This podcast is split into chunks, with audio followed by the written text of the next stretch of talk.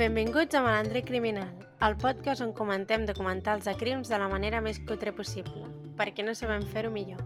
Jo sóc la Carla. Jo sóc la Marta. Jo sóc la Clara. Em sentiu bé? Eh, jo sí. Em sentiu massa fort o alguna No. Jo t'escolto com sempre. No sé si t'hagués escoltat millor o pitjor. Vale. És que uh, estic en una situació una mica precària. Vaja. Què t'ha passat? Mm. Bueno, estic aquí en directe des de la capital. Oh, uau, Ah, quin nivell. Yes. Veig des de la meva finestra la diagonal. Um, Uau. Uau. Sembla que estiguis a Catalunya Ràdio. Sí, sí. Quasi, quasi. Estic a la vuitena planta, o sigui que mm, es veu des de baix de Nadal. Um, no, estic a casa la meva iaia, Ah, perquè Sí. així... Però en plan que acabo d'arribar fa 15 minuts, eh? No us penseu. Ha sigut bastant Uau. caòtic tot. I clar, estic en una habitació, m'he portat el micro, m'he portat l'ordinador, però no tinc taula. Llavors, ah, ja. tinc, tinc el micro agafat a la mà i Jo et sento normal. em sents normal. El- No tinc el, Sí, el pop, però bé. sí que igual se senten cops de, de aire, no ho sé. Però és que, a més a més, no he trobat un allargador en lloc i no tinc cap endoll a prop, o sigui que ja veurem si aquest ordinador, que no està carregat al 100%, mm, aguanta o Ai, mor mare meva. o... I els meus auriculars tampoc estan car- carregats, o sigui que... Madre Fantàstic, mia, els episodis de la Clara, No, no. Todo bien. Lo dels auriculars compartim, perquè jo porto tota la tarda amb els auriculars posats i ara li deia a la Carla, dic, els deixo carregar una estona perquè és que algun dia em moriran. Mm. Però Bé, jo tinc els, els de cable aquí a- al costat per si de cas, però jo no en tinc de cable. ja dic, avui de ha sigut un dia una mica caòtic. A més a més, estic emprenyadíssima de la feina Ahà. mm, Ah, què t'ha i ara anem a parlar d'una nena petita morta, o sigui que més emprenyada estaré. Vaig Què t'ha amb passat? Re, la feina. Lo de sempre. No entrarem en, no entrarem en detalls. Però sí, sí, estic amb molt bona predisposició per fer el nostre episodi de Nadal. Yay! Mm. Hòstia, Ja s'acaba d'encendre la Torre Akbar. Està, Hòstia. Uau! estan en llumetes level. amunt cap avall, d'avall cap amunt. Sí, sí. Tu veus la Torre Akbar i jo veig els pastos amb, amb el tractor del meu veí que està aquí aparcat davant. Espera, us envio una foto de les meves vistes, vale? Dale, dale. Presumeix. Jo si fos de dia encara veuria el mar, però ara mateix... Allà, lluny, lluny. Però ara mateix només veig eh, la reixa de la finestra. O sigui que... Maco, maco no és. Uau! Marta, no veas. Que, ara, just he fet la foto en el moment que la Torre Akbar s'ha apagat, però Joder, però ara fes una encesa, Marta. al final de tot. És que ara està apagada. No sé on és la Torre Akbar, no la veig. Perquè està Ah, és allò del final? Sí, sí, es veu al fons de tot, eh? O sigui, és que, clar, la Torre Akbar està davant de Glòries, jo estic més al fòrum, tirant cap al Mhm. fòrum. Llavors la veig de lluny. Uau. Però sí, sí, al nivell. Ah, vale, ja l'he trobat. Estava mirant una altra cosa. Mira-la. Sí, és ara, que ara, vale, vale. estàs mirant un dels hotels, o què? Sí, no sé, estava jo aquí... Feia com ma mare, que ma mare cada vegada que li passa una foto l'ha d'ampliar com al 70 per veure-la, doncs igual l'estava ampliant. Ai, bueno, pues com vulgueu. Um, fes algun tipus d'explicació del nostre... Mira, ara està vermella i, i verda. Dale, dale la foto. No, no, és molt nadalenc. de Nadal.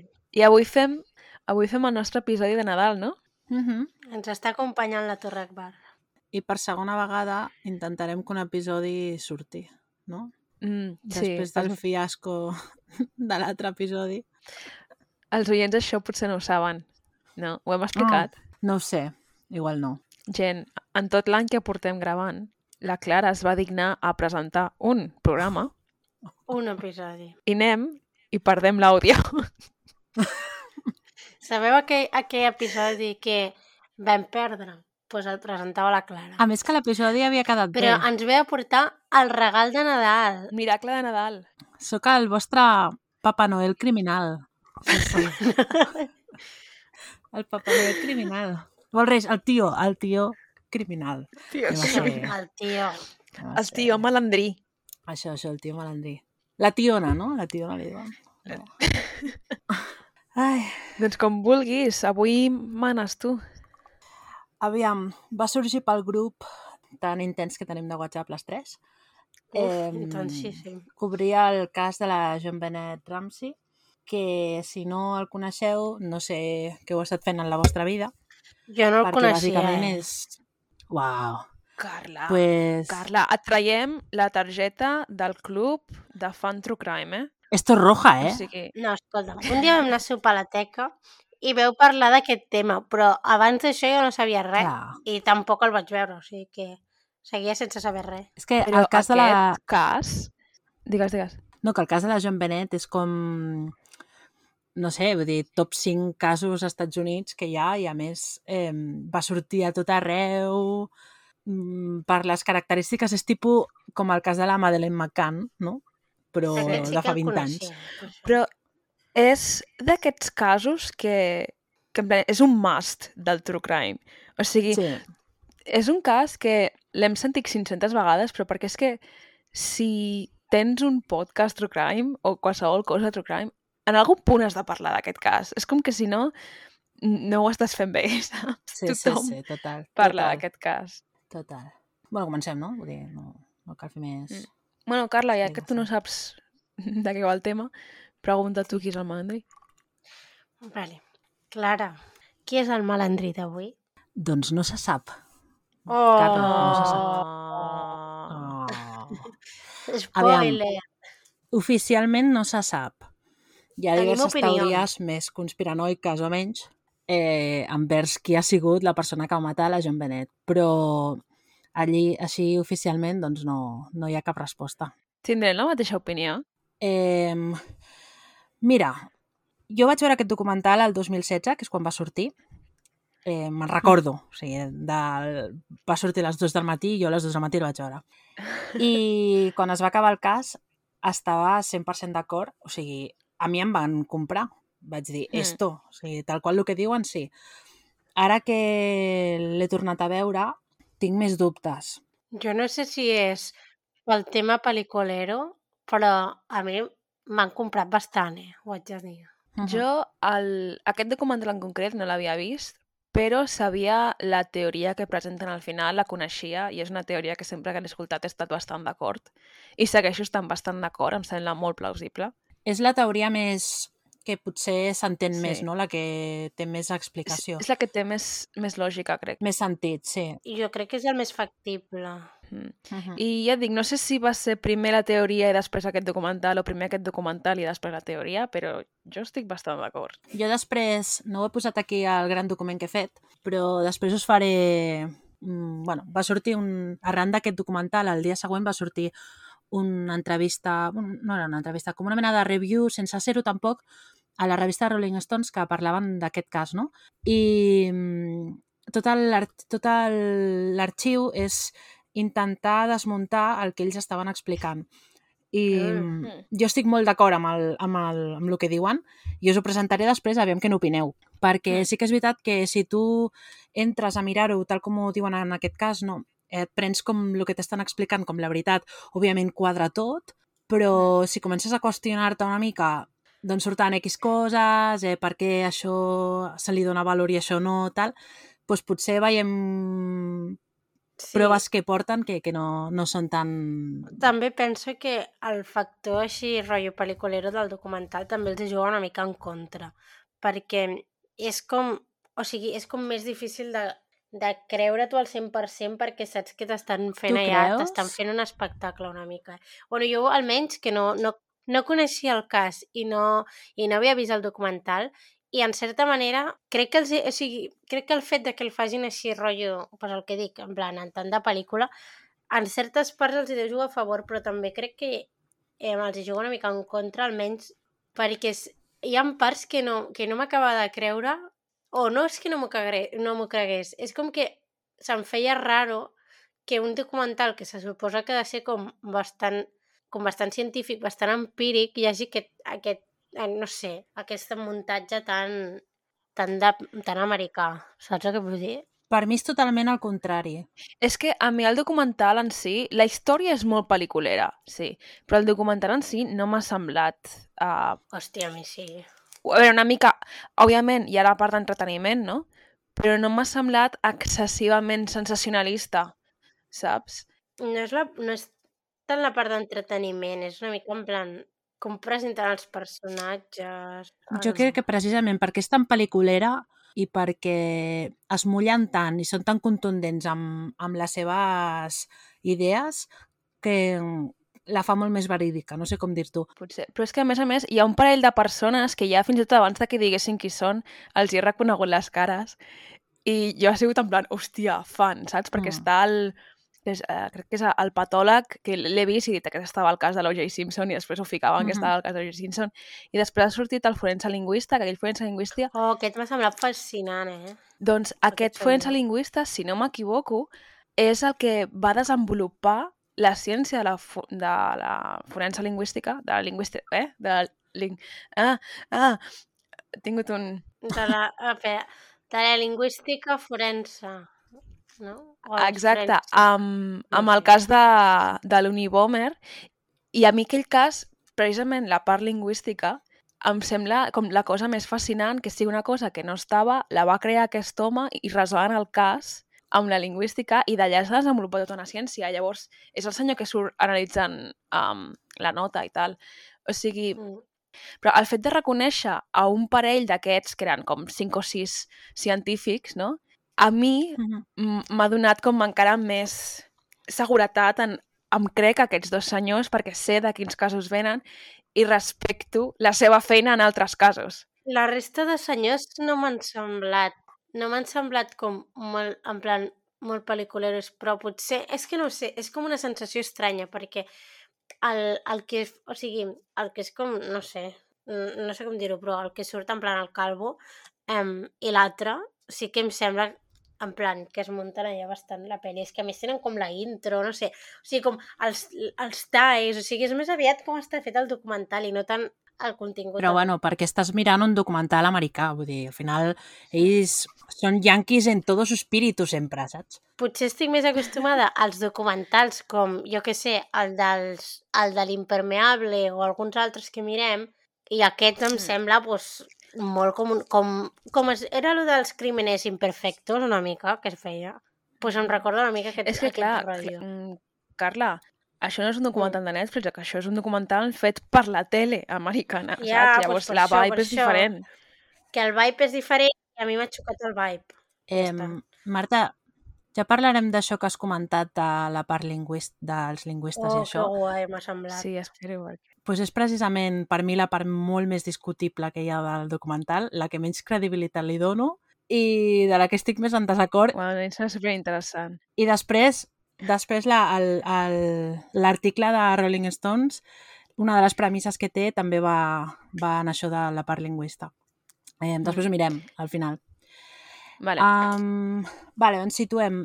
Eh, és un documental que es va fer al, per l'aniversari de la mort de la Jean Benet Ramsey.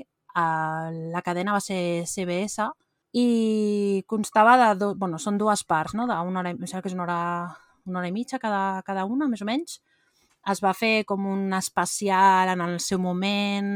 Això va portar que el dia següent hi hagués una entrevista a Dr. Phil del, del germà, que no en parlarem aquí molt, però us recomano Oh. que, ve- que veieu, està a YouTube, són uns 9 minuts, eh, és molt interessant. I doncs va una mica remenar tot, el, tot aquest cas, perquè era l'aniversari de 20, 20 anys, em sembla que feia, des de que, que va passar. I que no Mm. estava resolt, no?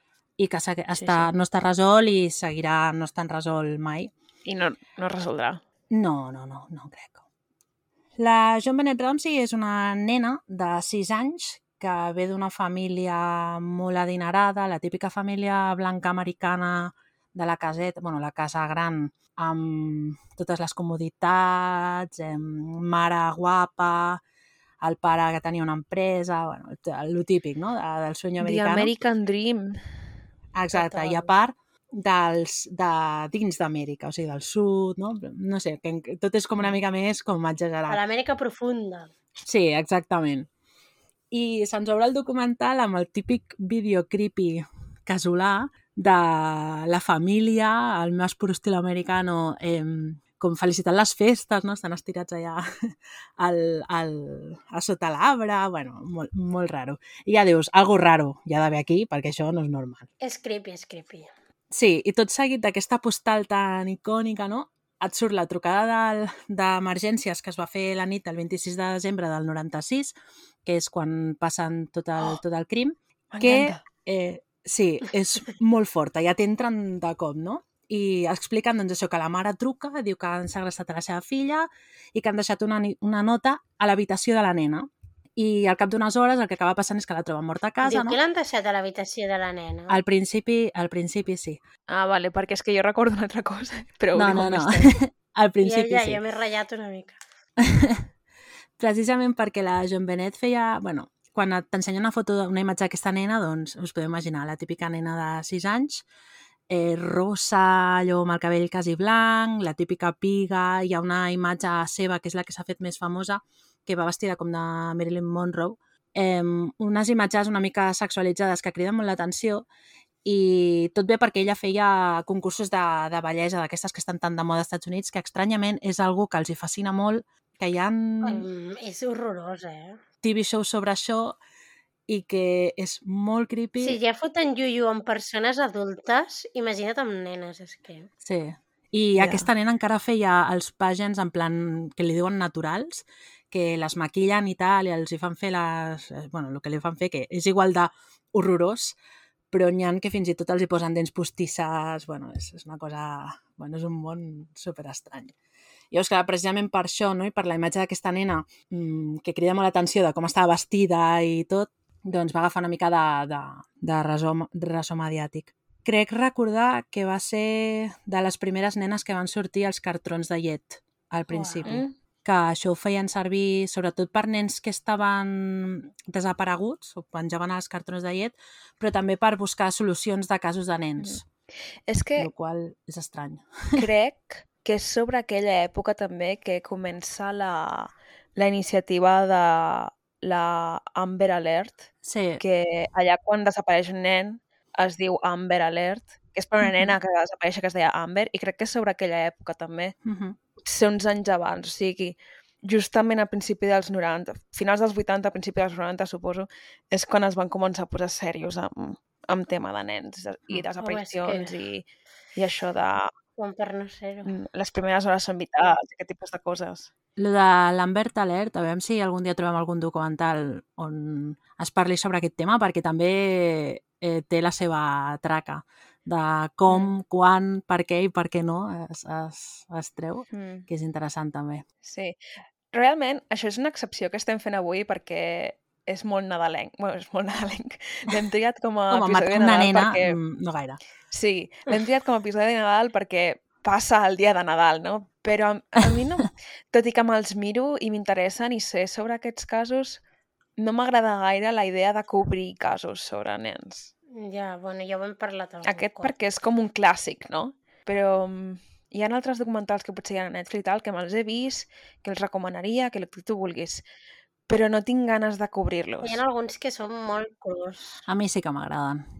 Sí, sí, sí. La veu discordant. M'agraden, eh? Però mm, no em veig amb cor de cobrir-los i, i fer brometa, saps? No sé.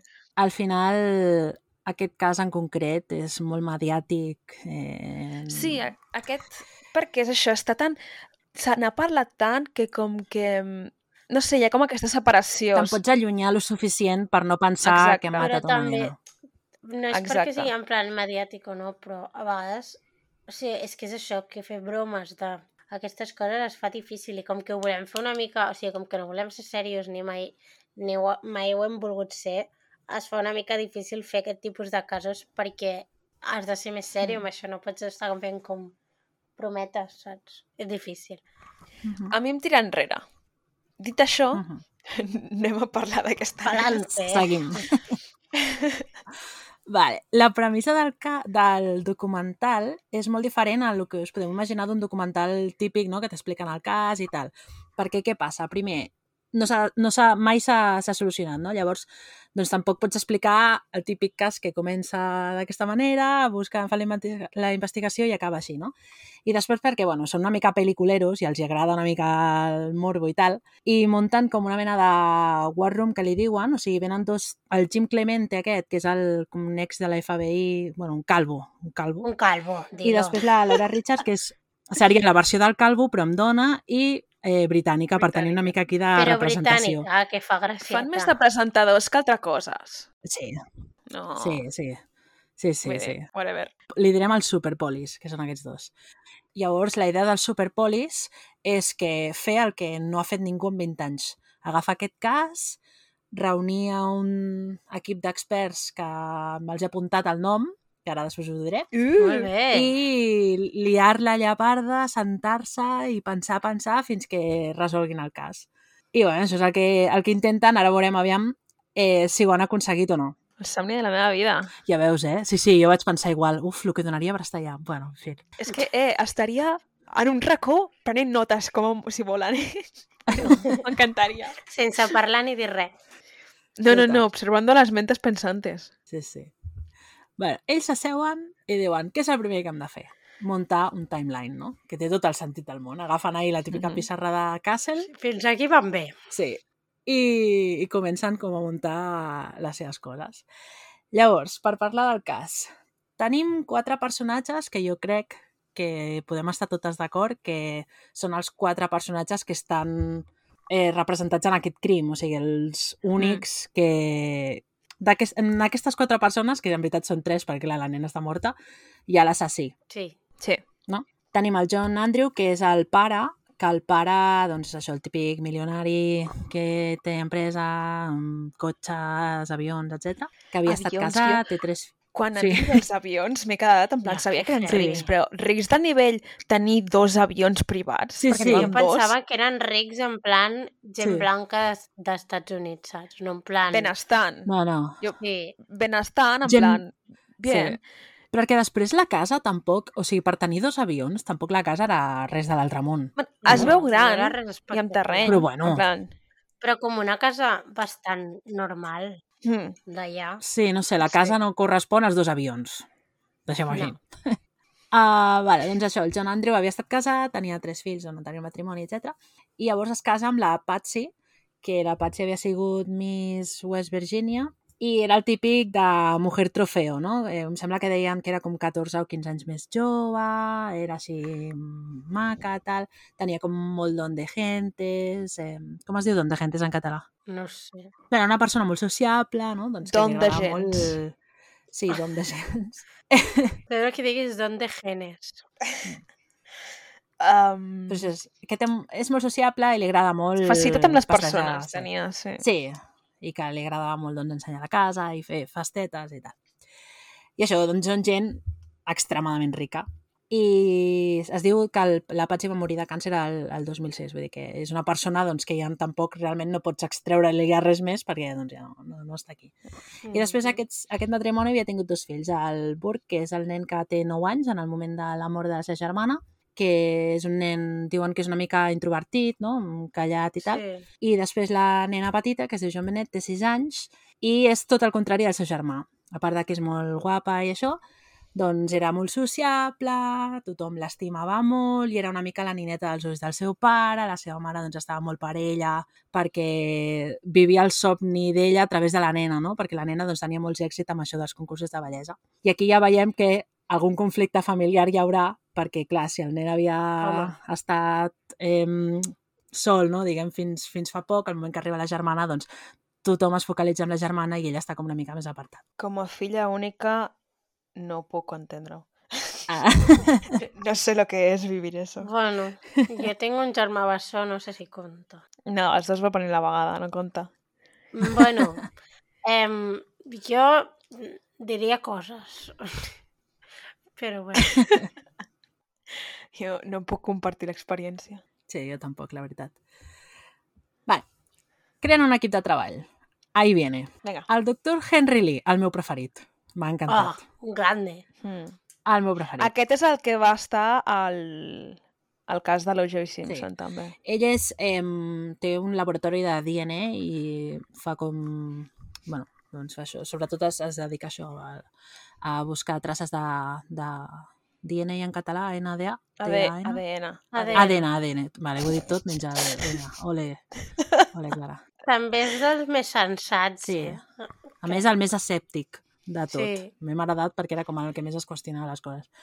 Després el Jim Fitzgerald, que no es- me'n recordo qui era, És el Era lingüista. el Tal, del el lingüista, Ah. no? Sí, el Jim Sí. Fitzgerald és el lingüista. El James Collar aquest, un tal Stan, i després el doctor Werner Spitz. Jo Oh, molt fan oh, d'aquest senyor. home. Un Perquè el senyor no acceptava eh, opinions que no anessin a favor de la seva.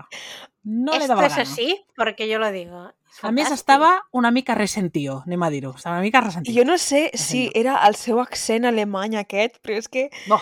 Semblava molt enfadat tota O l'estona. el seseo raro que... Era l'accent, l'accent. No, no, i ha marcat. Enfadat i ha marcat. Sí, Estava sí. una mica pobre senyor. I... No s'aguantava ni ell mateix, sí. eh, també t'ho dic. Sí, sí, sí. Portava un pentinat fi. una mica estrany, us heu fixat? Molt graciós. És que el senyor era, era molt majo. Li faltava la pajarita, saps allò? Era molt majo, el, no, com es diu? Ah, com es diu? Com es diu? Espera, espera. Eh, la, el corbatí, li faltava el corbatí. El corbatí. I, I ja ho teníem, sí, sí. Molt, molt gran, molt gran. Um, llavors ells diuen, que m'ha agradat molt aquesta frase, que diu totes les peces del puzzle estan. Només falta que algú les encaixi bé. O sigui, ells han decidit que aquí ho tenen tot sobre la taula Sí, sí. i se vienen. I ells són els que encaixaran no és, bé, òbviament. no és un guió ni res, eh? Hi havia moments que... Tens raó, ara que hi penso, Carla. Hi havia moments que semblava mm, un episodi de uh, CSI, saps? Com parlaven, com feien certes Semblava, jo què preguntes. sé, mentes criminales total. En plan, Sí. Sí. era com bastant sí, sí, sí. planejat tot una mica. Mhm. Mm. Que no vol dir que no m'hagi agradat, eh? M'ha encantat la pel el pel·liculeo, eh? Vull dir, jo a molt forit, però, però és el que és. Val, eh, després de 36 minuts d'introducció, entrem a, al cas. 36 minuts nostre, 36 minuts d'ells. No, no, 36 minuts nostres. Ah. Fa 36 minuts que estem gravant, sí, sí. A tope. I no hem dit res. És que... Vinga, va. TPT. I espera't. Bueno, hi ha la part aquella que la Carla ha marxat, que tallaré, no passa res. Ah, és veritat, és Sí, veritat. bueno, sí, 30 sí. minuts, 30 minuts. Bueno, doncs rebem la trucada aquesta del, del 911 eh, a les 5.52 del matí, el qual dius, guai, et lleves tant d'hora, però no és igual. I la mare truca com molt desesperada, no? Diu que hi ha una nota signada per un tal S.B.T.C. Jo Vale. vull saber de què va això, eh? I Espero que ho diguin a la segona part. d'aquesta nota diu en plan, mira, que o sigui, t'hem agafat la filla, no? I, i ha desaparegut i tal. I la dona està com Bueno, molt nota. estressada. Nota o carta de la Bíblia que- en verso. Això és, També t'ho dic. Bueno, això és el primer que diuen. Això és el primer que diuen a la... O sigui, és el que diu ella, no? Doncs que hi ha una nota allà i tal. I llavors hi ha un moment, no?, que ella com penja i la, la noia de l'operadora doncs li comença a preguntar Patxi, Patxi, on estàs, on estàs? I hi ha uns 6 segons de la trucada que jo em pensava que era en aquell moment i resulta que no, que és després que no s'escolten com uns sorolls no? i, i no, se, no se sap molt bé el que, el que és. I aquí els superpolis diuen, ja està, anem a analitzar-ho nosaltres ara amb la tecnologia que hi ha actualment i esto se soluciona ràpido.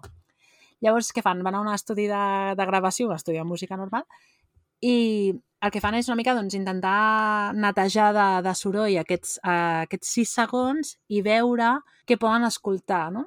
I ells identifiquen tres seqüències. Primer s'escolta una veu, que jo aquesta és la veu que potser més escolto, que hi ha una veu masculina que diu no estem parlant amb tu. Sí, aquesta part Mm. sí que se sent bastant bé. Mm -hmm. Sí. I és un to una mica com, com si li parlessis a un nen. Això sí que jo, jo sí que més o menys ho Sí, escolto. Sí. I que siguessis emprenyat amb aquest nen, eh, hauries de dir. Sí. Em sembla que estiguis com... Potser no, No emprenyat, no però... emprenyat, Com... però autoritari. Perquè no molestis, en plan, vinga, Sí. prou ja. En plan, estem fent coses d'adults, calla. Sí. Mm. Després hi ha una veu femenina que s'interpreta que és la de la mare, no? Que aquí ja costa una mica més d'entendre, Uf, que és diu que més o això- menys què has fet, no? I, i ajuda amb... Bueno, aquí Jesús, cadascú amb- una cosa diferent. Jo sento What Did You Do dos vegades. Mm. Mhm, Cada un dels que estan allà entén una cosa una mica diferent. mhm. I arriben, fins i tot hi ha un moment més endavant que diuen pot ser això o l'altre, però assumirem que és això, Mm. saps? Sí.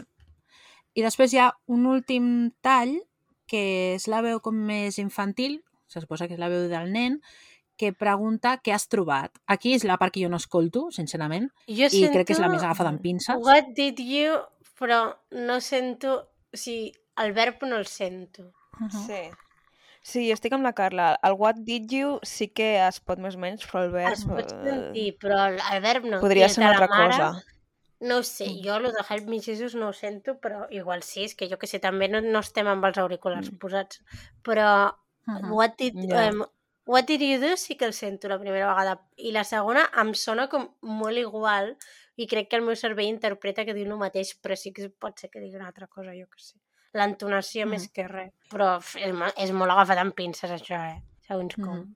Representa que comença una mica les contradiccions perquè a la primera declaració que... bueno, declaració. El primer que comenten els pares, després parlarem d'això, eh, ells diuen que el nen estava dormint quan van trucar i quan van trobar tota la jarana que hi havia allà Mm. al, a casa seva i clar, si realment fos el nen que ho pregunta, doncs ja veiem que aquí hi ha algú que no quadra, no? Perquè el nen també està despert. Sí, com sigui, sí que se sent una veu um, més fina, més Sí. Que només pot ser del nen.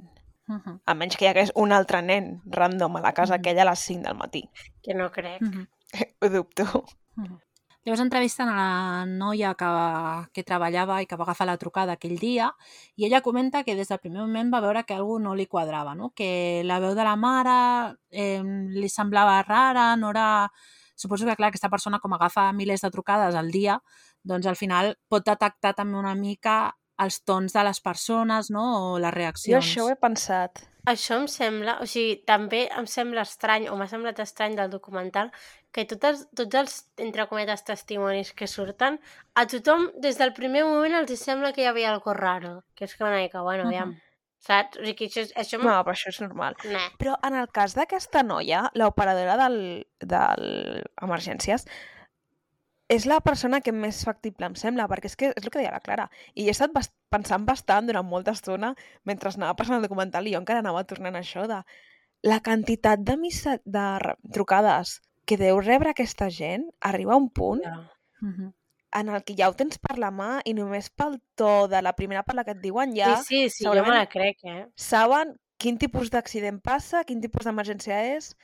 O sigui, Primer que tenen una formació específica no? d'aquests temes i Clar. després, jo òbviament no he treballat a un lloc d'aquests, però també he vist molts documentals i he escoltat moltes trucades de- d'emergències de, Sí. i sí que és veritat que a mi a mi em sembla rara la trucada perquè i parlo també com m'imagino si em, jo em trobés en aquesta situació, que al final també és molt subjectiu, però bueno, que em, jo no penjaria el telèfon. Clar, és el que diu després també l'enguesta. Sí, és la teva única font d'ajuda, de... saps? sí, perquè a més a més no dona cap informació real, perquè No. tu et quedaries al telèfon perquè segurament et farien preguntes, no? Saber quin és el teu nom, quin és el nom de la teva filla, no? Coses així. Com el dius. que portava Sí. posat. I de seguida com que et deixa el telèfon quan podries estar donant molta informació Uh -huh. Que després no t'haurien Sí. de tornar a preguntar a la policia quan arribés. Després ho comentarem, però la primera frase que diu és la manera més estranya que he vist mai d'expressar que han segrestat la teva filla. Sí, i no parla, no parla del nom de la seva filla, només és diu, la manera més estranya, No. en plan, mai he sentit ningú han segrestat a la meva filla, és Rosa. No, però és Ok. com ho diu, en plan... El tema està en que, tal com ella ho diu, no es centra en la seva filla, sinó que es centra en ella. Ella i el seu marit. Mhm. Perquè, no sé si t'estic trepitjant guió aquí, però literalment el que tu dius, Carla, és perquè diu ens han segrestat la nena. Tu quan Sí. et segresten el teu fill, quan truques el normal seria dir han segrestat el meu fill o la meva filla. sí. Però ens han segrestat a la nena, estàs girant el protagonisme cap a tu. Traduït literalment, Sí. diu... Eh, traduït literalment, o sigui, que, que sona fatal, però hem tingut un segrest, o sigui, Sí, exacte. saps? O sigui, Exacte, El- hem tingut un segre... Per això estàs girant el protagonisme cap a tu. Estàs o sigui el m'han victimatitzant... segrestat el nen, o jo què sé, tot i perquè així és raro, passes però a ser tu la víctima. sí. Dones aquest gir, dones aquesta volta i el passes meu, a ser el tu meu la fill ha víctima. desaparegut, jo què sé, mil maneres, però en, Sí, Hem tingut un segrest. però és això, En plan, passes a ser tu la víctima, per tant, ets tu la persona de que la gent ha de tenir pena, saps? Em, És la, ets tu la gent ha d'empatitzar la pobra mare. per això m'ha semblat tan interessant lo del lingüista, però bueno... Ho fa inconscientment, però és, és totalment mm, això. mhm. El Sí, que passa que és una em- cosa que fa inconscientment. Una mica off topic, però jo escolto un podcast que es diu The Vanished, que ja he parlat molt d'això, que parla sobretot de segrestos i de en plan, persones desaparegudes que mai s'han trobat, etc etc. I sempre, sempre, sempre posen el, la trucada d'emergències i pues, hi ha igual uns 300 episodis, doncs m'he menjat els 300 episodis. I totes la trucada té un patró similar de... No, no, no parlen d'aquesta manera, no? De, oh, no sé què passa a la meva filla, no sé la manera com, a, com es dirigeixen i, el, i la gent té com molt la necessitat de dir les dades de la seva filla abans de que li preguntin coses, no? Perquè eh, Mm. sap que això és el que es necessita. És, és, Mm. és una mica el, el to i la manera de- d'expressar-se de, i d'enfocar la trucada que Però ella no diu ni el nom de la nena. a mi el que em sobta més és que pengi, la veritat. És, Sí. és el que em sobta més perquè... Sí, és com que jo he dit el que havia de dir i ja està, saps? En plan, Mm. és raríssim. Sí, Sí, he complert la meva funció. sí. sí. És la tasca que tenia ara, doncs penjo i la següent, saps? És una mica com... Uh -huh. Ara no. Bueno, llavors el, el, la, la noia aquesta explica doncs, que ella escolta dos o tres veus i que li sembla la trucada com molt premeditada, que és una sensació que, que té, no? I explica una cosa que és molt curiosa, que és que mai ha testificat en el cas. El qual Mm. És molt curiós, perquè és que és el primer, és el primer que, que, que fan, no? De... Va ser la primera persona que va parlar amb la família, que no entenc perquè no, no, Sí. no testifica mai. És increïble, és increïble. Llavors tenim una altra evidència que és molt important en aquest cas, que és la nota.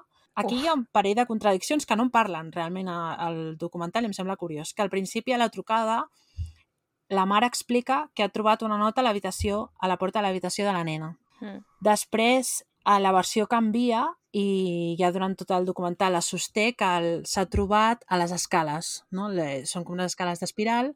Jo sempre, sempre m'havia pensat que la nota es trobava a la taula de la cuina, al costat Sí, de, com- del el té i la llet i la pinya Sí. que hi ha per allà. I tot i Sí, així sí. és un lloc raro. Mhm. Bueno, a la taula, saps? Jo sempre m'havia imaginat això, a la taula. Perquè és una llibreta que, que, bueno, que tenien ells per allà, el que sigui, doncs a la taula, a la cuina, el que sigui. Ah. Però lo de, les- és que és el lloc més estrany per deixar una nota, Mm. a les escales. És que tot lo relacionat amb aquesta nota és molt estrany. Però que Perquè... una nota, deixar una nota, ja, ja et dic jo, una nota en plan d'un pòsit a la persona que vius, amb la que vius dient mm, compra pa, sisplau.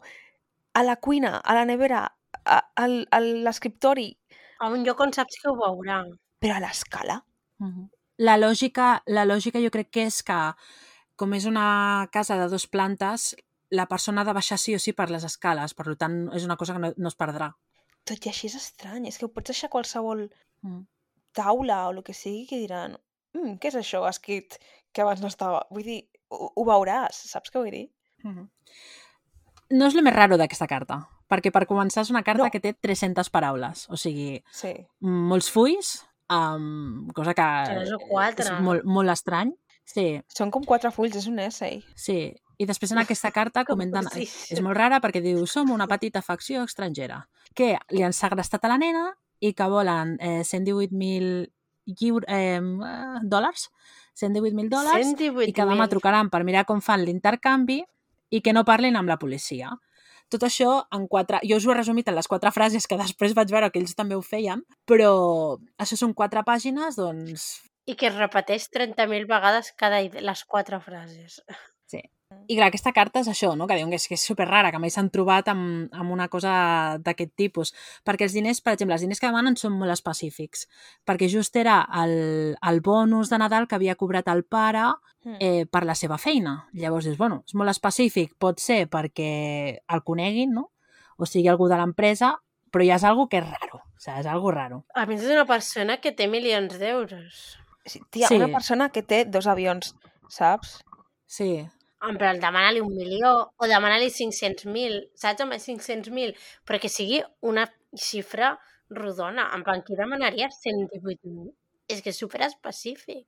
118 no és un número normal. Demanes 100, demanes 150, demanes 200. Mhm. Però Demana Sí, sí, és molt específic. 600.000, és igual, però 118.000. I després eh, analitzen eh, les frases i veuen que les frases són molt semblants a pel·lícules que havien sortit als anys 70 Oh, que eh, brillant. de, de segrestos i Exacte. històries i que això també després ho deixen molt penjant que justament anar, es veu que la família era molt fan del cine i tenien per la casa doncs, molts pòsters de, de pel·lícules dels 70 i dels 80 Són penjades, frases que treuen literal de I- pel·lícules.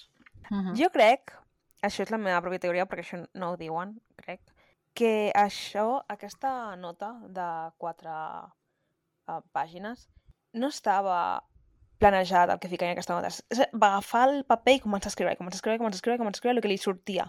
Plan, jo crec que és bastant improvisat i no crec que el tema de que no, eh? les referències a les pel·lícules fos a propòsit.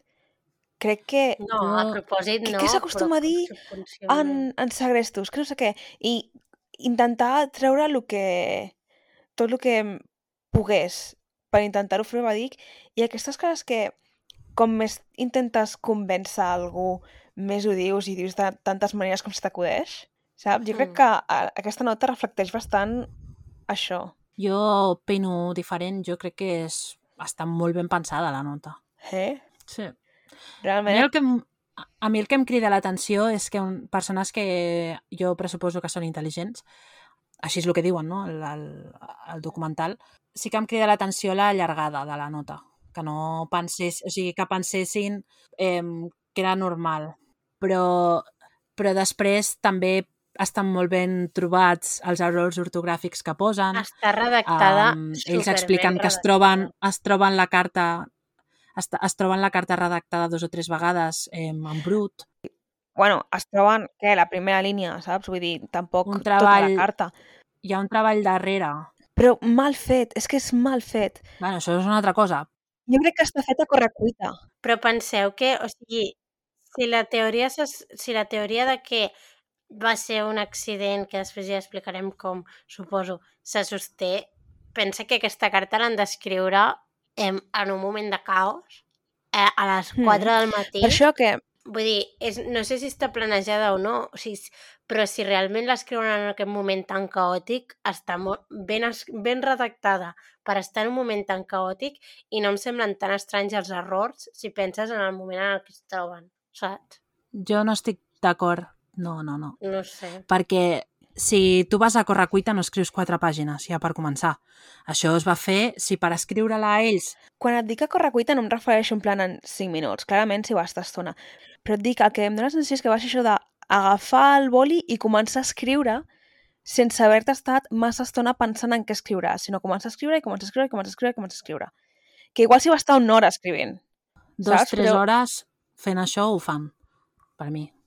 La No sé. sensació que em dona. Sí, però pensa l'estat mental d'aquesta persona.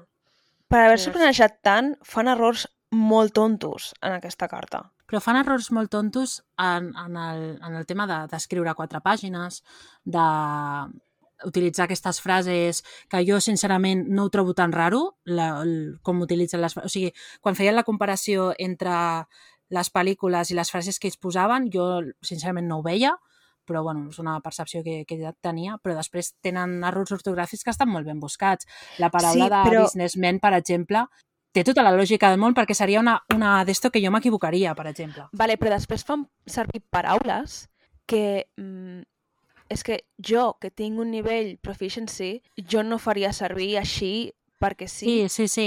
En una Fan carta, servir no paraules en segrest. en una És carta. Massa paraules que reconec, paraules que si estan intentant imitar una persona que no és nativo, nativa parlant, perquè clarament, no, diuen, som una, una facció de fora, són paraules que una persona, per molta proficiència que tingués en l'idioma, paraules que no faries servir. Sí, amb això estic d'acord amb tu. I, sincerament, businessman és una paraula difícil d'escriure i no em sembla raro que Eh, se- businessman, es una S sense voler, business, em sembla una de les paraules bastant Doncs- difícils, eh? Jo crec que no, perquè si tu escrius paraules com les que, les que acabes de dir tu, saps escriure la paraula businessman sent ell un businessman, Sí, sí. en plan, aquesta paraula la utilitzaria ell en el seu dia a dia i ella amb el seu dia a dia moltíssim. Sí, sí, Em, no et dic que no. Jo, Però... Jo no, no crec que fos alguna decisió que es pren a la lleugera en el moment, sinó a mi em sembla que està, està ben pensada dintre del caos, per mi.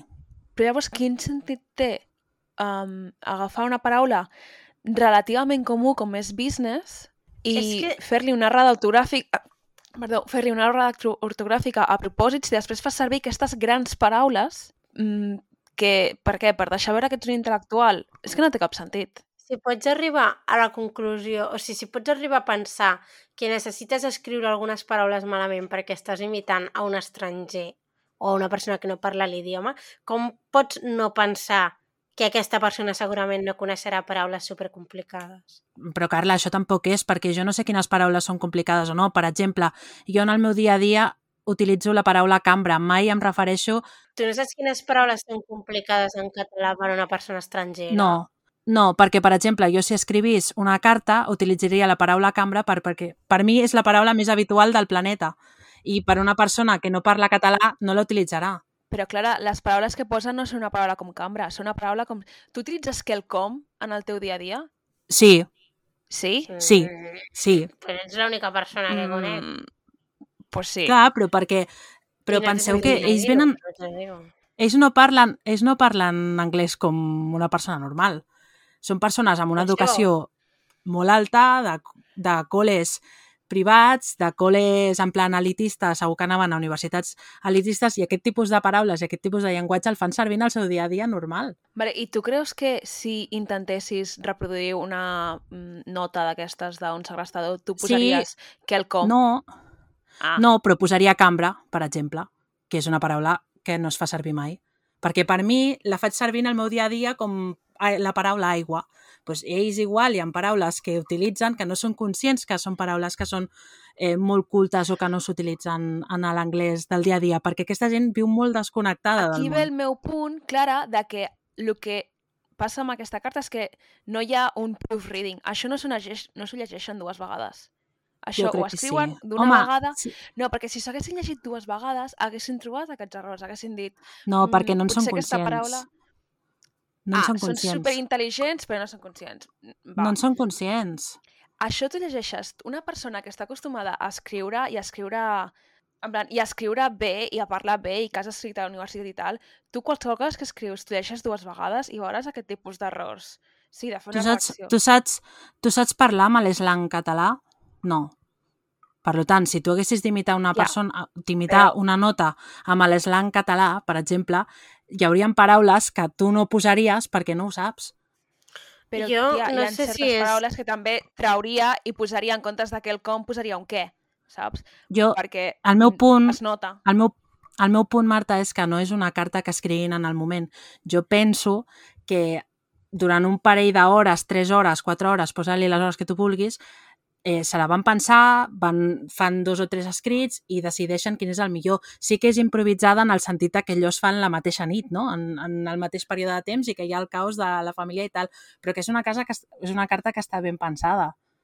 Dintre del caos. Jo crec que no tant com tu assumeixes. Jo crec que no, No sé. tant.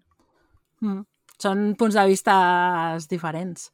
I també penso que igual és perquè la Marta i jo estem com molt ficades en els idiomes i aquestes coses, però eh, Sí. Jo- penso, o sigui, com a, entre cometes, lingüista, que, que no, no, és que no sé, que, que, que te n'adonaries de que estàs fent servir paraules mm, d'un registre més elevat que no sigui paraules que una persona podria fer servir si no coneix la llengua bé. Per exemple, les subordinades, tu no escriuries una carta fent errors super ortogràfics, o sigui, vull dir, errors ortogràfics tontos i després escriuries bé les subordinades, saps el que vull dir? És que no és com parla la gent. Exacte. És No que és no ho sé. És que no ho sé, Carla. Jo no conec, jo no conec el que és una subordinada. Clar, O sigui, però la tu Marta tens i jo molt- sí, saps? Sí, però tu tens molt coneixement de l'idioma, però és que ells no tenen coneixement de l'idioma Bueno, perquè no eren dient- lingüistes, doncs el mateix és- que no, jo. no eren lingüistes, però estàs dient que són unes persones eh, educades en, en educació d'elit i no sé què, però aquestes coses... Educades em refereixo perquè són persones que tenen una carrera. Són persones que tenen una carrera, una educació superior, però no són lingüistes, cap dels dos. No sé. Saps? Però, Clara, no et fa falta ser lingüista per adonar-te de que fas una mm, frase rebuscada. Sí, no però, però lingüista. No, ja ho sé, però que és que hi ha paraules que jo no en soc conscient que són cultes igual les utilitzo i hi ha paraules que sí, que en soc conscient que són més cultes. Aquest és el meu punt, que jo no, quan parlo no valoro el nivell de llenguatge que faig servir. Vosaltres No, potser sí, Però perquè quan estàs, treballeu però en quan això estàs o, o estudieu això. una carta perquè et vols lli- lliurar-te d'un assassinat, no sé com dir-te, mm, podries anar una mica més enllà. Són paraules molt concretes. És igual, deixem el tema perquè és que estarem una hora igual parlant d'això, eh? Però Sí, són paraules molt concretes. No és la carta sencera, són tres, quatre paraules que són les que et senyalen, però és que és una carta de 300 paraules. Ja, no l'hem llegit sencera, tampoc. Clar, és que al final ells et senyalen la paraula del businessman, que és l'error ortogràfic, llavors et senyalen tres paraules que diuen és que són paraules que són massa cultes per una persona que no sàpigues l'idioma, que estic totalment també d'acord. t'ensenyen... Però clar- Ara no, no hi caic, però ens, hi ha hagut un moment que ensenyen diverses de les expressions, en plan un paràgraf Mm. o el que sigui. Bueno, jo que aquí tinc dius, molts problemes. Raro, Jo, jo, raro jo us ho he apuntat. Us ho he Vale, apuntat vale, a- segueix, bueno, al... Bueno, seguim. Que els experts fan un perfil lingüístic de la nota i conclouen que és algú que té bones destreses comunicatives, no? A mi em que ho xirria. ha escrit una persona que parla ang- anglès com a idioma matern, fins aquí puc estar d'acord, una persona adulta a més de 30 anys, bueno, eh, òbviament no està escrita per un nen, no? però mm, potser una persona de 25 anys ho hagués pogut escriure, no ho sé. I després que és una dona perquè utilitza un missatge molt maternal. Un missatge molt maternal, red flag en el meu cap. O sigui, Aquí, per mi això aquí és el que invalida m'ha xerriat, eh? Una, tot bastant. l'altre. O sigui, lo, de, lo del gènere sí que m'ha xerriat perquè en quin moment... O sigui, no sé. Diu, és que utilitza paraules que no utilitzaria si fos un home. A mi no m'ha xirriat tant, us vaig a dir. Però pensant en el context de... A mi no m'ha xirriat moment. tant perquè és veritat, i havent estudiat una mica de lingüística i tal, és veritat que uh, homes i dones ens expressem diferent, especialment en el moment de seure't i escriure alguna cosa. I és, és cert. I... pues, jo que també he estudiat llengua i gènere, les persones que a mi m'han donat classe, que són persones que saben d'això, Mm. estan molt en contra d'aquesta característica, per exemple. Clar, jo t'ho dic des d'un punt de vista de lingüística i literatura. Jo des de llengua i gènere. Tu m'ho dius des d'un punt de vista de llengua i gènere.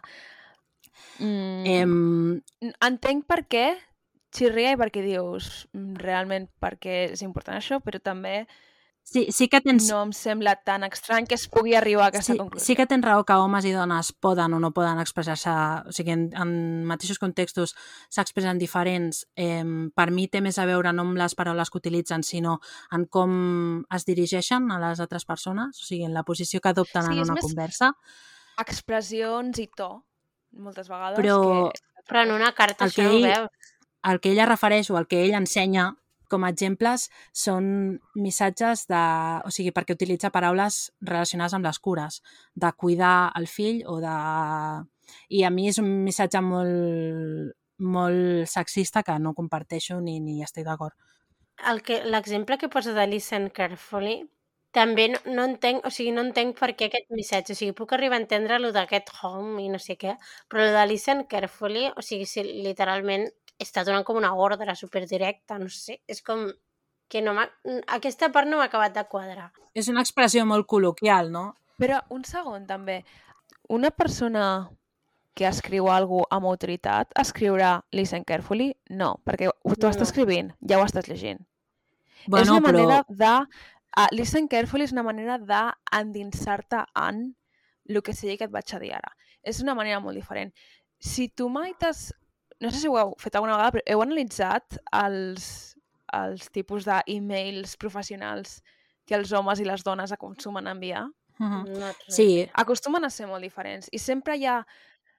I a mi em recorda una mica això, el, o dir-te directament el que vull o el dir-te, mira, escolta, que vull que em facis això, no sé què quantos, que és el que tendeix a passar.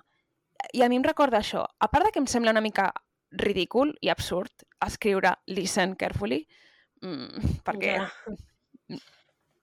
vale? No sé, escriu, llegeix atentament, no? Però és una cosa que és absolutament necessària dir escolta atentament o llegeix atentament en una carta. eh, A sí. mi em sembla. Per mi, per mi el, la manera com ell ho enfoca eh, en referent al, al significat de les paraules que ha escrit, és totalment és molt sexista i crec que és, està, està molt mal enfocat perquè una cosa és que tu em plantegis de que aquesta carta l'ha escrit una dona, l'ha escrit un home per la forma en la que es dirigeix a les persones no? que, estan a, que, a les que, mm. que està volent interpel·lar. Sí que és veritat que els homes són molt més directes, les dones tendim a demanar més perdó o, o utilitzar el sisplau, que això al final no és un tema més de, per mi no és un tema tant de llenguatge, sinó un tema de comportament social, no? De, són les sí, dinàmiques sí. que, que nosaltres tenim. Sí, és... Però... Per aquest context social utilitzes el llenguatge d'una manera sí, o d'una altra. Sí, ell, ell el que... Hi ha una frase que va pensar, madre mia, és que ell diu, és que si hagués, ho hagués escrit un home no hagués utilitzat la paraula de cuidar un fill. Per mi això és, és, és el que a mi jo no, no comparteixo, no? De que, que tonteria és aquesta. O sigui, no, no, no té gens de sentit. Sí. Són dos, la, la, part de, la, la part de l'edat i la part del gènere per mi són molt discutibles. Eh, I també el que us volia comentar amb això és que... Per mi l'edat tampoc és tan discutible. Vull dir, penso que el dels 30 anys és orientatiu. És bàsicament d'una persona adulta. Sí, un nen o un adult, això no fa falta que faci cap anàlisi perquè ja es veu. O sigui, quan tu llegeixes la carta ja veus que això un nen no ho ha escrit. Però que diguis, bueno, és que té entre 30 i tal, bueno, no, no sé, no sé com, a, com ho interpreto. O sigui... Bueno, només suposo que diu més 30 com, com una orientativament, no sé. No ho sé fins a quin punt, des del punt de vista Crec. de la lingüística forense, es pot arribar a saber l'edat d'una persona. As, assumint que per la maduresa de l'escrit d'alguna manera, però no sabria dir-t'ho. Després llegint, llegint l'article aquest de les Rolling Stones, que és un dels problemes que marquen de, de tot el tema aquest de la, lingüista, de la lingüística, expliquen que aquestes proves, o sigui que la lingüística forense no està considerada una prova vàlida. No, és, és una un... pseudociència. Sí, en un, és superinteressant, però és una pseudociència. Sí, també perquè jo crec que està, és molt lliure d'interpretacions, no? De... És una mica com el que ja hem parlat altres vegades de... Um, bueno, salvant molt les distàncies, entra una mica al mateix, uh, al mateix cercle, diguéssim, que el tema d'analitzar cabells. És una sí. pseudociència que et pot ajudar i et pot guiar en moltes coses, però no és una mm. ciència definitiva com ho és l'ADN. Al final, vull dir, ara mateix portem 20 minuts parlant d'un mateix document que tu i jo el veiem amb uns ulls diferents. Tu potser, potser pots aportar més, més formació perquè al final et dediques, és el teu àmbit d'estudi, de, el teu àmbit de treball, però també amb experts de, eh, sobre llengua també hi ha diverses opinions no? de, en, en un mateix mm. text. Vull dir que, que sí, sí. suposo que és una mica per això que no deixa mm. de ser una mica subjectiu. Mira, amb la Carla, amb la Carla sempre comentem que bueno, jo per, per context a l'audiència estic fent estudis de gènere i la Carla ha estudiat traducció i interpretació i dins de, la, de les dues carreres hi ha un apartat d'utilització de, del llenguatge, no? I a mi tots els filòlegs que m'han donat aquestes classes estan molt a favor del llenguatge inclusiu, no? I, i t'expliquen eh, amb argumentació científica per què és important la utilització del llenguatge eh, inclusiu. I vas a la facultat Ara jo, a Carla... Jo, no, no, jo us vaig a dir, jo us vaig a dir el que m'han parlat de llenguatge inclusiu en 4 anys de carrera. bueno, 5 perquè se'm va allargar una mica, però no ve el cas. En 4 anys de carrera el que em van dir sobre el llenguatge inclusiu és en una assignatura en vam parlar com un parell d'hores i era eh, si podeu, podeu posar eh, ciutadà i ciutadana. Si no, poseu ciutadà o ciutadans, perquè total, això de la llenguatge inclusiu, eh, bueno, és una cosa de la CUP i ja està. Sí, sí. No, és això, que dintre, dintre dels mateixos professionals hi ha moltes línies de pensament i que com la llengua és algo mm. tan subjectiu i que evoluciona literalment cada dia... I que com no ens hem de sentir incloses en les paraules en el masculí genèric, si el, això ve de l'indoeuropeu i el masculí genèric eh, no és no sé mm. què, és sintàctic, no sé quantos. Eh, ah, bueno. Perquè en l'època de l'indoeuropeu no hi havia problemes de gènere, saps? Mm. Hi havia patriarcats. El problema no és la paraula, sinó la utilització d'aquesta paraula. No, els indoeuropeus vivien en un matriarcat. Eh? No sé per què és tan Exacte. difícil d'entendre aquest test. Però bueno, en fi, és un altre tema que també pot durar És igual, que sí, que, la, que el temes lingüístics són molt complicats. Anem a seguir perquè estarem aquí fins demà, eh? Val, la carta aquesta. Seguim. Eh, conclouen que es va escriure des de casa. El paper de la llibreta és de la Patsy, que és molt llarga, òbviament. I fan una prova d'escriure, que això em va semblar que estava molt bé, i triguen uns 21 minuts per escriure la carta sencera. Llavors, clar, és que penses, és que si fos una persona que ve de fora Per copiar-ho. per, sí, per copiar-ho, que no és pensar-la, òbviament. Una persona que fos de fora per agafar la nena o tar-la i tal, escriure això, és que és, no és viable, vull dir, no, no, no és viable. Llavors diuen això, no? que la, la carta s'ha posat allà i que no, que no és real. Llavors, van a parlar amb un analista que entra a l'escena del crim. A mi això que, que comenta m'ha semblat interessant, no? que explica que primer a les 5.52, us he apuntat aquí, es fa la trucada. A les 5.54 la Patsy truca als amics de la família. I això a mi em sembla extremadament estrany. És raríssim. O sigui, desapareix, desapareix la teva filla i tu immediatament de trucar a emergències truques als teus amics. Molt a les estrany. 6 del matí. Vaig a fer una mica d'advocada del diable, vale? Mhm. perquè en aquest tipus de, de, de barris no? més suburbis i tal, no em semblaria tan estrany, i sobretot són els 90, no? que potser els nens anaven més per lliure, que intentar trucar a veïns no? i dir No, no, però no són veïns, eh? Bueno, clar, el dia amics i que de seguida van a la casa perquè els amics van a la casa, jo he assumit que els veïns viuen a, a prop, al carrer, a la zona, saps? Jo he assumit. La nit abans estaven a casa d'una veïna que era amiga seva fent un sopar de Nadal i no sé què, hòsties. Truca, truca a dues famílies, però la família en la que estan a la casa no són veïns, són uns amics, o sigui, no estan al mateix barri. No sé si s'explica aquí, no sé si s'explica aquí o igual és un altre No em documental, semblaria- però Tan, tan, tan estrany, o sigui, em semblaria que es podria explicar i podries donar-li el teu raonament a, al, a, al, he trucat a casa d'aquests amics perquè la nena també és amiga amb els nens, a veure si per casualitat la nena s'ha escapat i ha anat a casa dels nens aquests a jugar, saps? Eh, és una mica amb pinces, però podria arribar a dir, ok, jo, per mi el que és estrany és que truquis no tant per preguntar, sinó per dir-les que vinguin. aquí està la part A mi, això és el que, a mi això és el que em Aquí grinyola. perquè tu al final pots trucar i dir que vull la meva filla... So, també són les 5 del matí, també s'ha de pensar això, però no sé, pots trucar en la desesperació i dir està la meva filla, però dir-la ah, mira, és que la meva filla ha desaparegut, vine, sisplau. Això ja em costa més, la veritat. És el que em referia. No em sembla estrany el fet de trucar als teus amics o trucar als teus veïns o trucar a qui sigui Mhm. si és per preguntar. Mhm. La part aquí que dius eh, és quan els diu sisplau veniu a casa.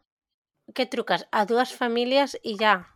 En plan, ha desaparegut la teva filla i truques Sí, només... a dues persones sé. i ja està. No te'n vas a... No surts de casa a buscar-la. Saps? En plan, o sigui, és raro perquè no, no, no surts ni... Sí, això és raro, que no surtin en cap moment de casa i comencin a cridar pel carrer a veure si la perquè troben. Els de la, els de la Madeleine McCann, per exemple, surt, surten en el moment, surten un munt de persones a buscar-la i aquests no surten en cap moment de casa ni a donar una volta pel veïnat, aviam que no s'hagi despertat, eh, se li hagi anat la flapa i, i se la trobin per allà, por ahí, perduda. Però és que per mi el, el més estrany és que truquen només a dues famílies i que aquestes famílies no són famílies amigues de la nena. O sigui, truquen a les dues famílies que són amics de tota la vida d'ells, però, per exemple, no sé, el més lògic, no? si se m'escapa la meva filla, és trucar als pares de les amiguetes, no? O de la veïna de davant, o coses així. Sinó truquen a- als seus dos cercles de confiança, que són dues famílies. Se suposo que com que ells fan veure o se suposa que troben aquesta carta, no sé, igual penso que han pensat que sortir a buscar-la no tindria efecte perquè ja se l'han endut, saps? Anem a fer veure que s'han trobat la carta en el seu raonament. Uh -huh. Bé, no a les 5.59, llavors arriba, arriba el primer poli, que és la policia local, que us podeu imaginar, és una policia que mai havia tingut un crim ni res, per tant, bueno, pues la formació i l'experiència és poca. Llavors, a les 8 i 10 arriba el detectiu, que és amb el que parlen, i a les 8.15 contacten a l'FBI, perquè ja veuen que hi ha alguna cosa rara, i clar, com és un, al final com és un nen i hi ha una nota i tal, doncs l'FBI entra en joc. I a les 11.45, o sigui, han passat un fotiment d'hores, és quan comencen a, a investigar. I a les 12 avisen que el... Perquè ell explica que el que ja com ho van veure tan ràpid des del primer moment, volien tenir controlada la família. I clar, com hi havia tanta gent a dins de la casa, per aquí i per allà, els hi costava molt fer, fer i mantenir aquest control. No? Llavors, parlen de que volen tenir sobretot a ell controlat, perquè ella, com estava plorant, i al final pues, és una mica la hostess no? de, del, del tema, pues, tothom estava molt per ella, però ella estava com més deixat a la mà de Déu. Llavors, a les 12 avisen que el John Clancy ha desaparegut i quan torna té com un comportament una mica erràtic. Llavors el detectiu diu, bueno, doncs perquè no se'ns escapi més per tenir-lo controlat, li diem que hem de buscar per tota la casa i que ens acompanyi perquè ell doncs, coneix més la casa i sap on, on, on podem, o sigui, com, com dirigir-se no? per, pels llocs.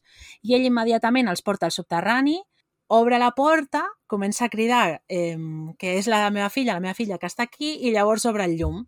I allà es troben el cadàver que està embolicat amb unes mantes i tal. Llavors, immediatament agafa el cos de la nena, mm. el puja com el, o sigui, la planta de dalt, el deixa a terra, la torna a agafar... A mig del passadís. Sí, al mig del passadís, la torna a agafar, la porta al menjador on està tot Cristo la deixa una altra vegada al terra i tothom, clar, la toca... Bueno, l'escena... Sí. Aquí, tot lo d'abans, hi ha les coses rares, però encara em podries convèncer de que és tot molt normal. En el moment en sí. què agafa el cadàver i l'agafa a braços, li, li treu cinta de la boca, l'agafa en braços... I que crida la meva filla abans d'obrir la llum. Sí. Ja, bueno, però per mi, a mi, personalment, a mi el que em trenca tot és el tocar el cadàver. No moguis el cadàver. En plan, què mm. fas? Mm. Per mi, una persona que toca el cadàver i mou el cadàver, i toca el cadàver més enllà de mirar si té pols o no, i mou el cadàver, l'agafa, el puja, canvia d'habitació, aquí és quan dius, ja està. Ja, ja... ja.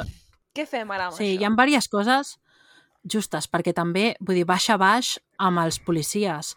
Ningú el para. Mm. O sigui, sí al final ell agafa el cos i això ja no ho pots parar perquè no ets a temps, però al moment que ell està sortint de la porta i està pujant, hi havia allà policies que li sentit no, no, no toquis, queda't quiet.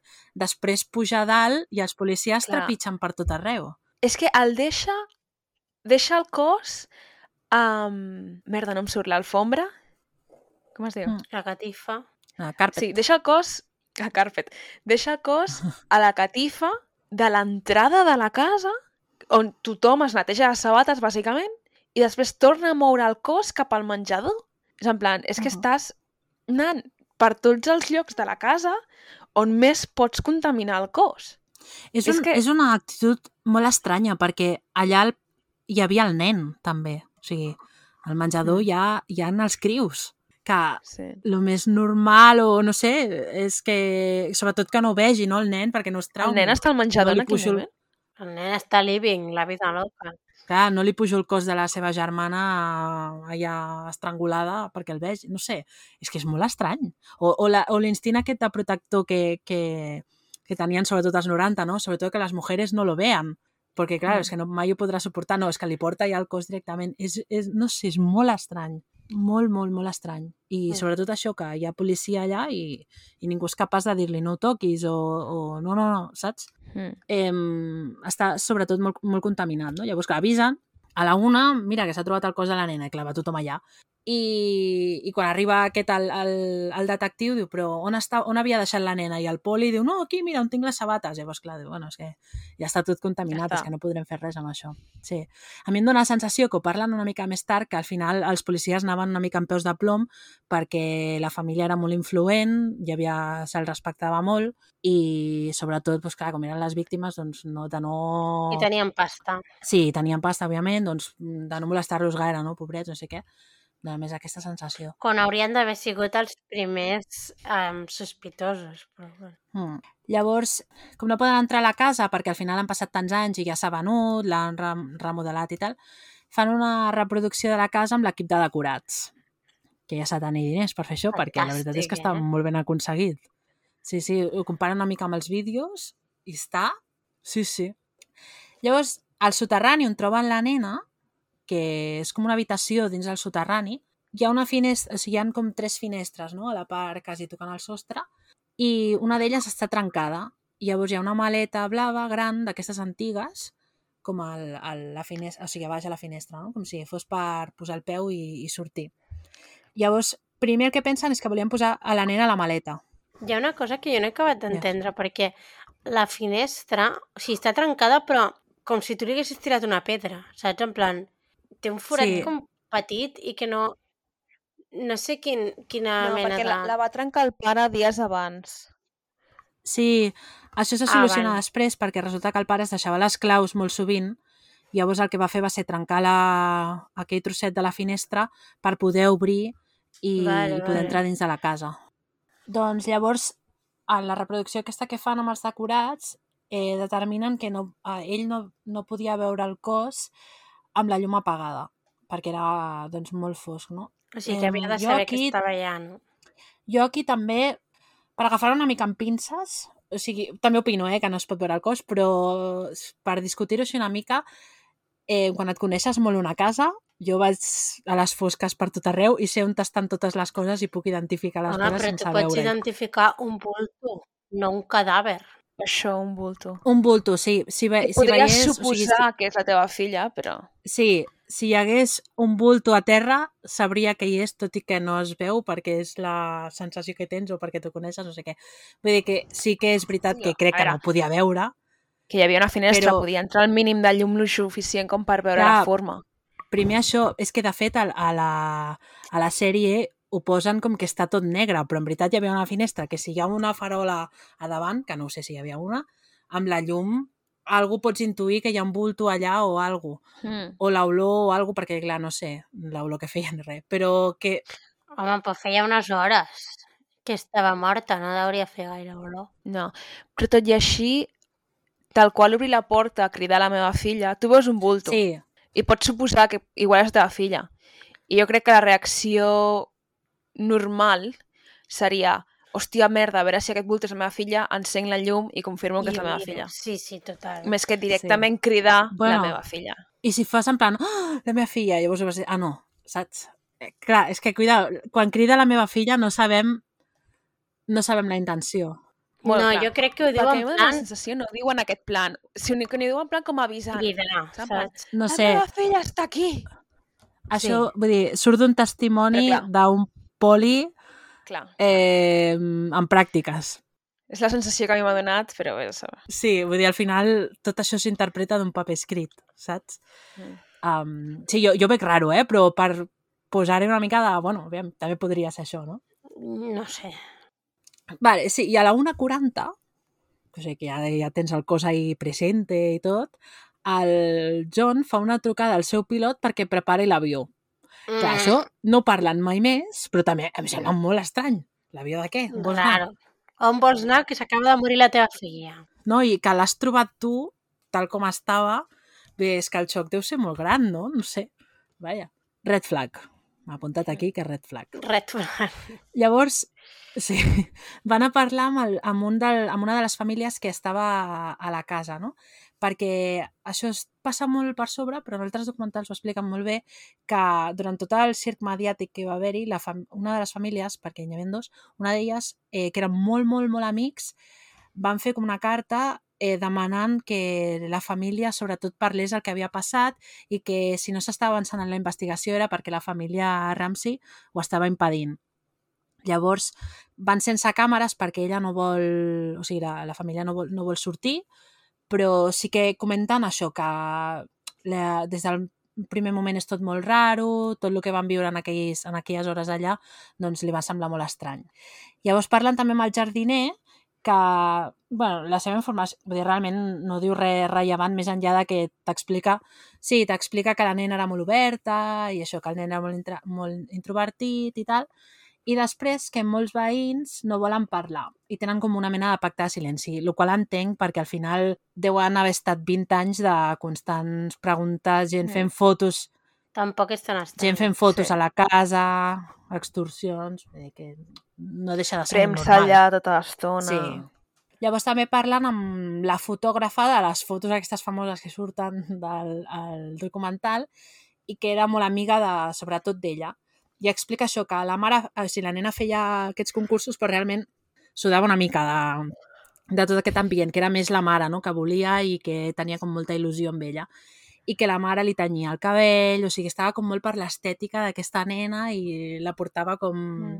entre núvols, no?, per, per, perquè era com la seva joia. Llavors, ara passen a, a l'autòpsia i parlen de que ha estat una mort violenta.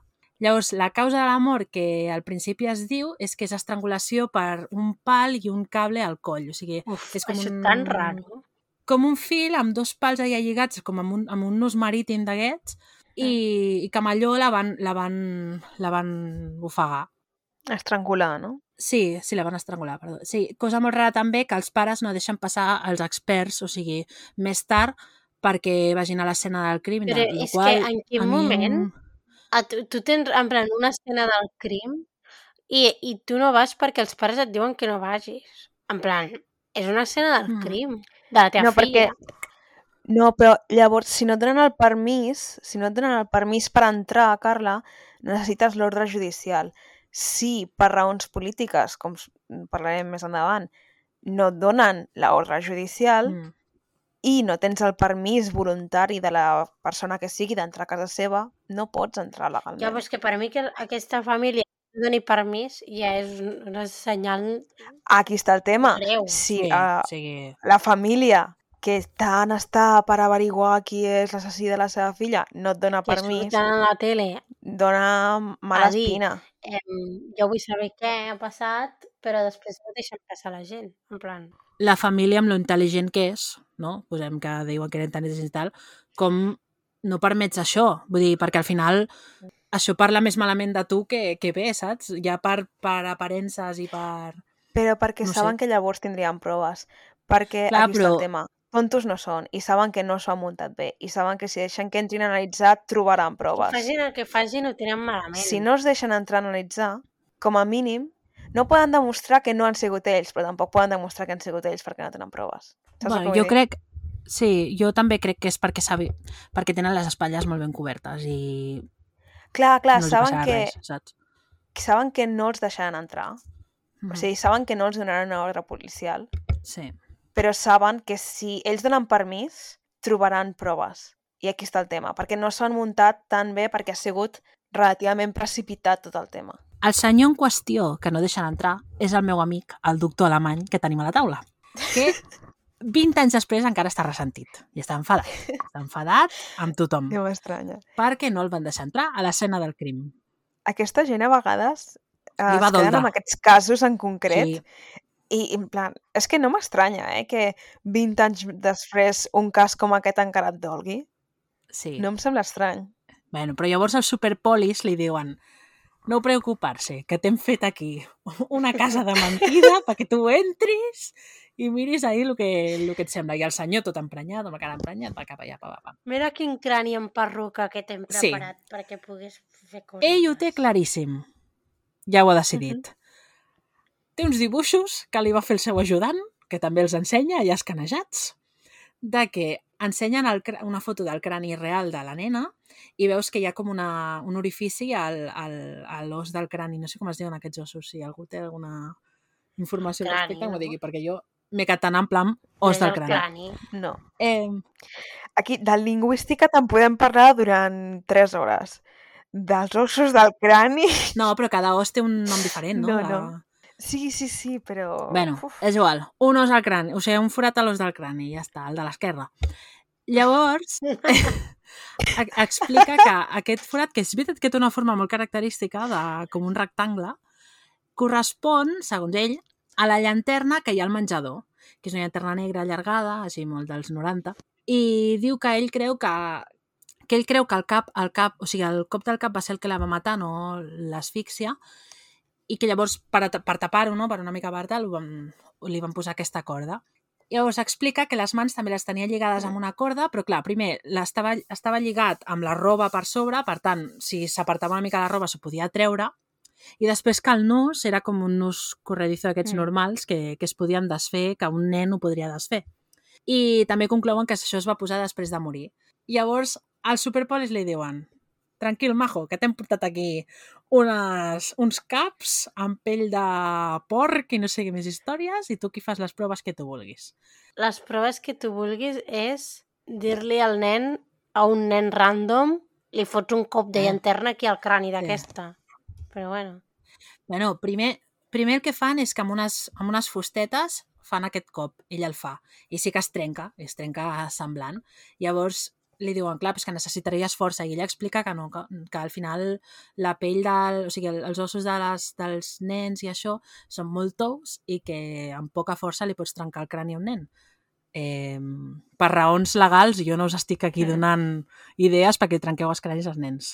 Que se sàpiga que esto no s'ha cogido de aquí, eh? No són consells. En fi, llavors explica també que com la pell és elàstica, pot ser que li hagi trencat l'os i que no hi hagi sang, no? Perquè al final, doncs, bueno, ho- ensenya, no? Que fa com una mena de, com de, de membrana de, que s'adapta. Llavors porten un nen d'uns 9-10 anys que fa bastant, a mi m'ha fet bastanta impressió i li fan, la, li fan la prova de que doni un cop. I si li dona un cop a un maniquí que té com pell de porc i una perruca a sobre, i és semblant al, al tros que trenquen. És molt que, semblant. que... Hmm. Sí, fa, fa bastanta impressió aquest, aquest tros del documental, la veritat.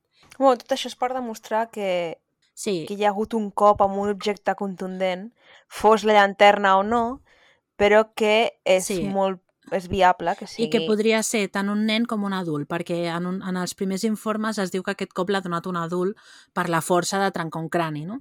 I ell, desma Mm. o sigui, amb això desmenteix de Clar. que pot haver-hi l'opció de que hagués sigut un nen. O una dona, no?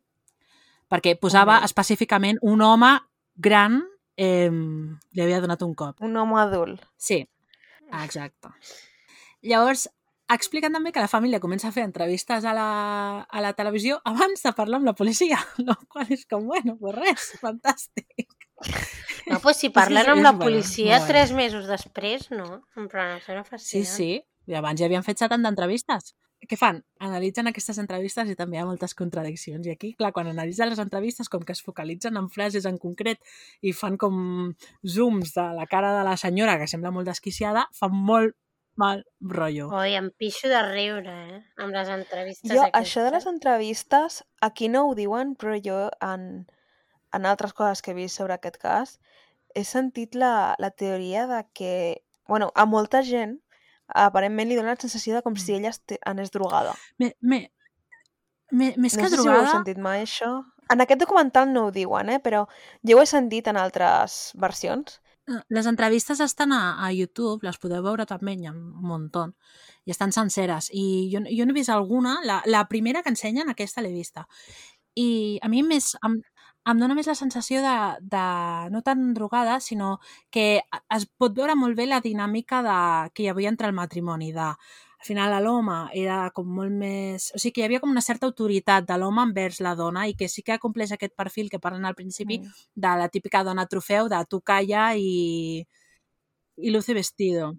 Però sí que està una mica, igual pel xoc, igual per la tristesa, està com Sí, una mica però- fora de si, ella. I ella està molt centrat.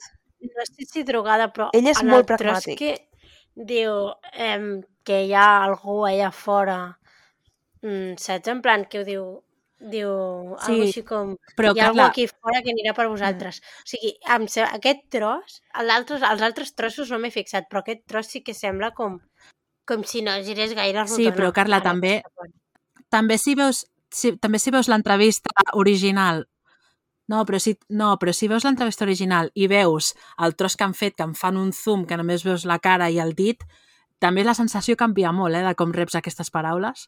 Ja, hòstia, però li mires als ulls i veus la mirada i Sí, però et posen una música de tensió, que ja te pone ahí a tono. Van enfocant-te la cara a la cara, que al final només li veus els ulls. Ja, ja et guien cap aquí, saps què et vull dir? Que si ho veus tot una mica més en context no es veu tan raro. Per això dic lo del documental pel·liculero, que Mm. Mm. és... O sigui que segur que... que hauria portar un Valium o dos, o dos a sobre, vull dir, això segur. Però que, que també jo crec que a ella li afecta, o sigui, que se la veu eh, durant tot el transcurs de la investigació i dels temps després amb el judici, bueno, amb el judici que no va haver i tal, a ella sempre se la veu molt afectada, eh, i ell molt sencer. Crec que ell és molt pragmàtic Sí, amb, amb tot el tema aquest del cas. dona la sensació que es distancia molt sigui, com I si... ella potser es deixa portar més per les emocions. Sí, Sí, i ella sempre se la veu més tocada. No sé fins a quin Mm. punt és una...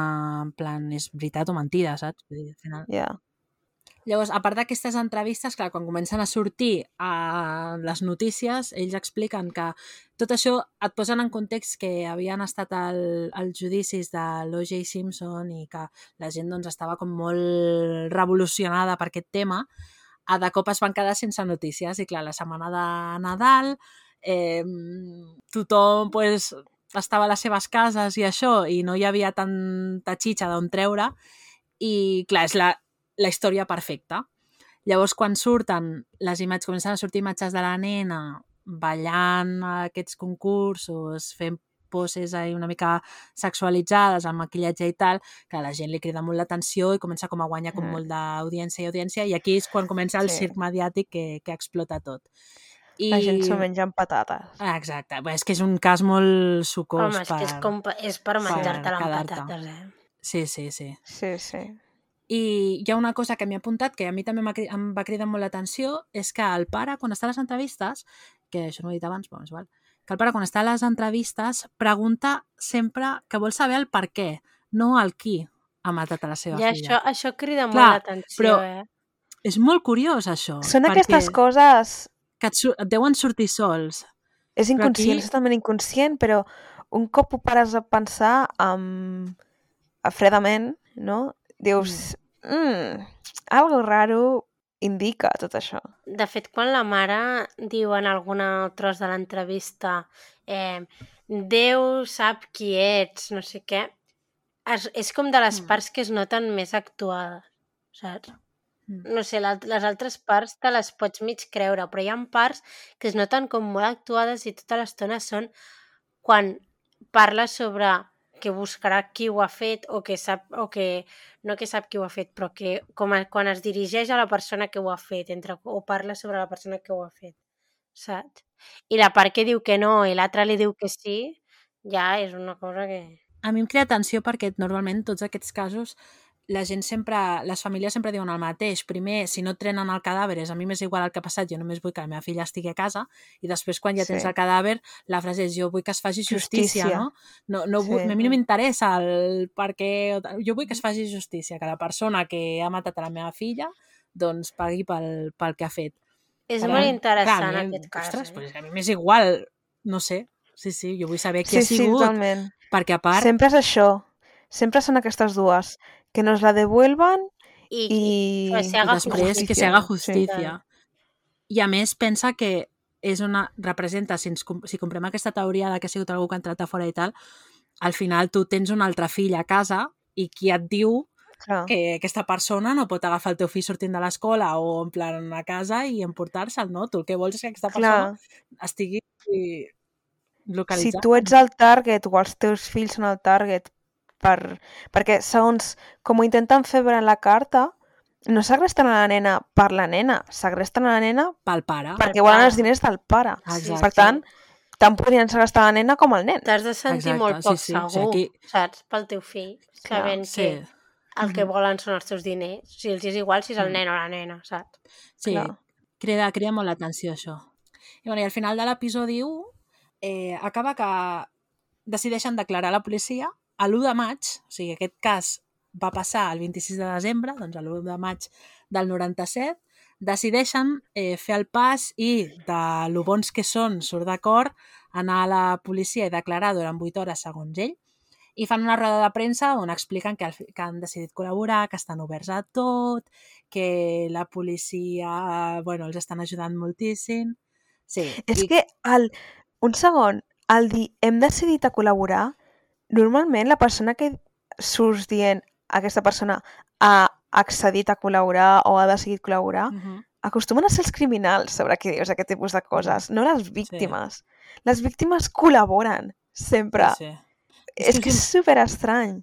Les víctimes són les primeres interessades en col·laborar. És que imagineu-vos ara que passés això, és que l'opinió pública estaria ja molt en contra dels pares. Per què no estan col·laborant els pares? Clar. Per què no volen parlar? Per... Saps? També, ostres, xoca, no? De... Bueno, Sí. eh, ja està, no?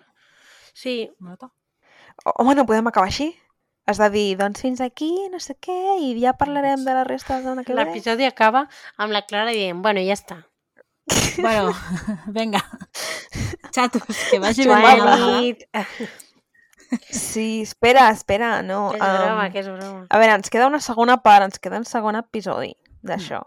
La segona ja part. us hem taladrat durant 3 hores o 2 hores o el que duri això, i estareu molt atabalats per les festes de Nadal, perquè per moltes persones és un, és un temps de joia i no sé què, però jo crec que com més gran et Sí, fas és però- més mandra que altra cosa, almenys la meva Sí, experiència. sí, vull dir, és I estrès sobre estrès sobre estrès. Atabala cada dia i en Jo família, ja m'he escaquejat de tots els dinars familiars possibles, la veritat. Jo Estem no... a dia 21 de desembre i jo encara no tinc regals. Però bueno. Ostres, no, i això veus això? Ja Que- m'ho he tret de sobre. Però és Jo que porto bé, mm, m'han demanat coses molt concretes i porto dues setmanes buscant aquestes coses super mega concretes que em diuen i és que és impossible de trobar. No estàs buscant, li has dit al Pare Noel, suposo, o al tio. Uh, el Pare Noel jo no el faig perquè és una cosa molt de fora. El tio. Els reis. El tio, el tio. Sí, a aquest nivell els diré que s'esperin els reis, eh? Perquè és que... bueno, doncs la setmana que ve farem la segona part, que serà el nostre episodi de Cap d'Any. Uh! Esperem que hagueu alimentat molt els tions Uhu. i les tiones. Us portin molts regals. Podríem fer un directe o algo. Sí. No, Ara mateix, ara mateix. Ah, bueno, doncs això. Que us portin moltes coses als tions, la gent que celebrem el Pare Noel, doncs el Pare Noel. No, la gent que I celebreu el Pare Noel ni aigua. És que em sorprèn que celebres el Pare Noel, Clara. Home, eh, perdoneu-me, Um, quina mm. blasfèmia. jo ho celebro tot, ah. però és que a part, el meu pare és francès i a França celebra el Pare Noel, per tant, jo sempre amb la família del meu pare pues, ens ve el Pare Noel i amb la família de la meva mare ve el tió, Blasfèmia, la tiona. blasfèmia, blasfèmia. Això és l'avantatge de... Mira, Sentiu, mira el soroll de la ciutat, ho sentiu? Sí. Oi, oi, oi, oi. Jo si vols t'enfoco el meu gos roncant. Que. Eh, La... la capital, Sí, sí. la capital, a les 12 i mitja de la nit. Uau. Pues res. Vinga, que vaya bien. Ens veiem la setmana que ve. Adeu. Bones festes.